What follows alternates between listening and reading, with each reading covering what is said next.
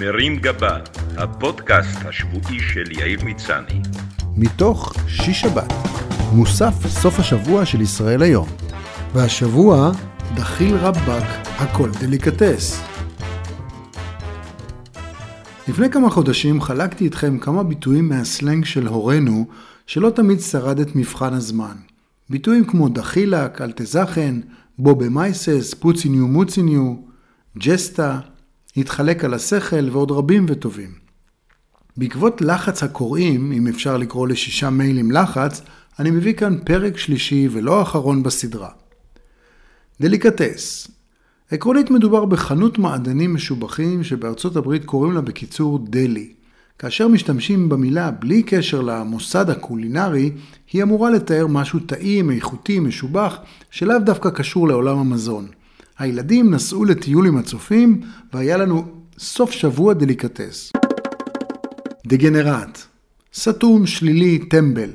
כדי לא להכליל, יש גם דגנרטיות. אין קשר לחומרי ניקוי שנקראים דטרגנטים, או למכשיר המייצר חשמל המכונה גנרטור.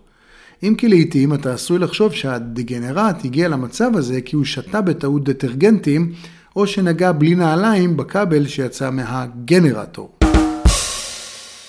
דון ז'ואן, אחד שהולך לו עם נשים, יודע להקסים אותן, ועוסק בזה מעבר למקובל. יש שיר בשם הזה של שמרית אור וקובי אושרת בביצוע חלב ודבש. כשמדובר בדון ז'ואן של נשים פחות אטרקטיביות, מכנים את הבחור דון ז'ואן דה לשמטה. לא לבלבל עם דין ז'ואן, שנשמע פחות כמו מאהב לטיני ויותר כמו כדורגלן בבני יהודה. דחיל רבאק, הגרסה הישנה והפחות מנומסת של באמא שלך. סוג של אנא ממך. דחיל רבאק, אתה עומד לי מול הפרצוף, בלי מסכה, ועוד לא התחסנת. זוז לפני שאני בועט בך עם העינה על רבאק. דיר בלק לא מדובר בדיר של עיזים שחורות או בתקליט בלדות של בלק סבת, אלא בביטוי שמקורו בשפה הערבית שמשמעו היזהר, הישמר. למשל, דיר בלק אם אתה נוגע בפיצה לפני שהגעתי. כיום יכול לשמש גם ככינוי לדוכן למריחת לק בשם דיר בלק. דרטה נפיחה מסוג מסוים, הוא הביא שם דרטה בתוך המעלית וזה היה מאוד לא נעים כי הם חשבו שאולי זה אני. דיגידן דיגידן, ביטוי המבטא מהירות ויעילות בתנועה.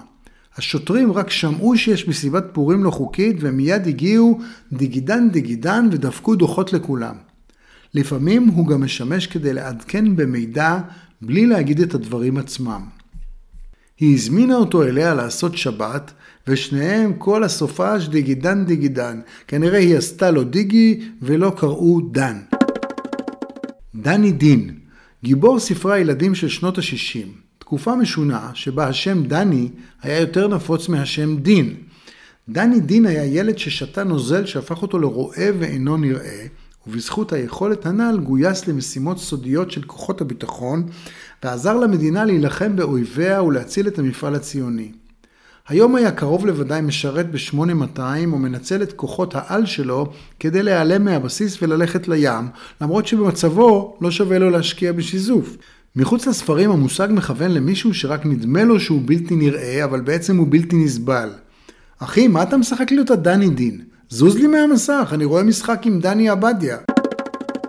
דיסקוטק בשנות ה-60 זה היה הכינוי למועדון שמשמיע מוזיקה לריקודים מתקליטים. מוזיקת הדיסקו הגיעה לעולם אחרי הדיסקוטק ולא להפך, ושם טרבולטה רקד על רצפת קוביות שקופה ומוארת את You should be dancing. באותה תקופה גם שימש השם כינוי גנאי לתיאור המקומות שאליהם הולכים בני הנוער הפוחזים, האנטיתזה לאנשי תנועות הנוער שהעדיפו ריקודי עם, אבל למקומות הכינוס שלהם לא קראו הורטק. איך יהיה לך בגרות אם כל הלילה את הולכת בדיסקוטקים? האכיל אותו לוקשים. בשפה של היום חרטט אותו, שיקר באופן מתוחכם. לוקשים היא גרסה פולנית ופחות טעימה של מקרוני או פסטה. תלוש משכורת של פעם, שהיה סוג של פיסת נייר ארוכה, נקרא גם הוא לוקש. ממה שנשאר לי אחרי כל המיסים בלוקש, אין טעם לעבוד, עדיף חל"ת. גם ככה, המנהל מכר לי לוקשים, כמה אפשר להרוויח כטבח במסעדת לוקשים. מדובר בביטוי מיושן שהיום מומלץ לעדכן אותו, להאכיל אותו לוקשים בלי גלוטן.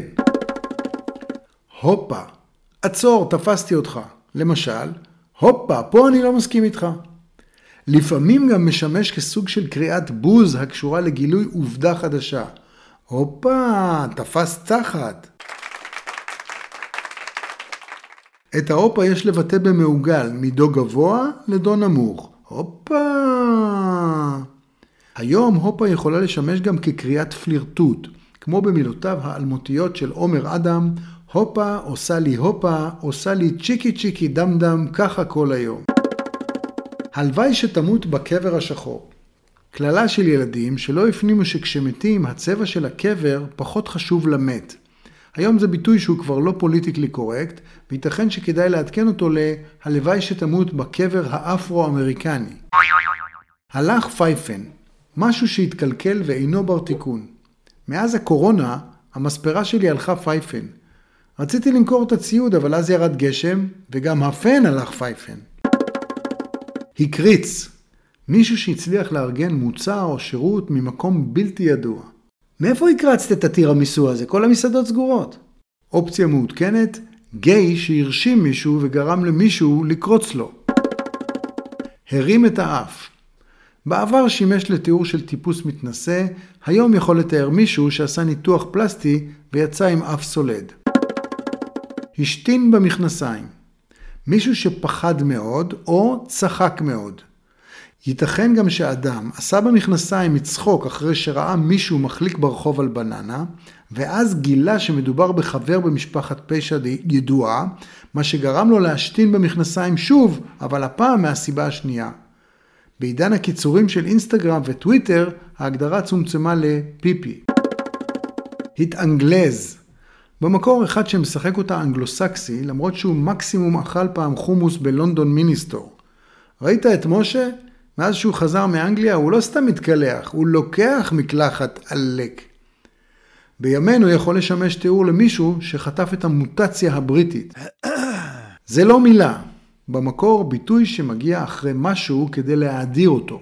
האוכל שם טעים זה לא מילה, אבל יכול להתפרש גם כביקורת על מוהל לא טוב, אחד שעושה בריתות בזום. שבת שלום.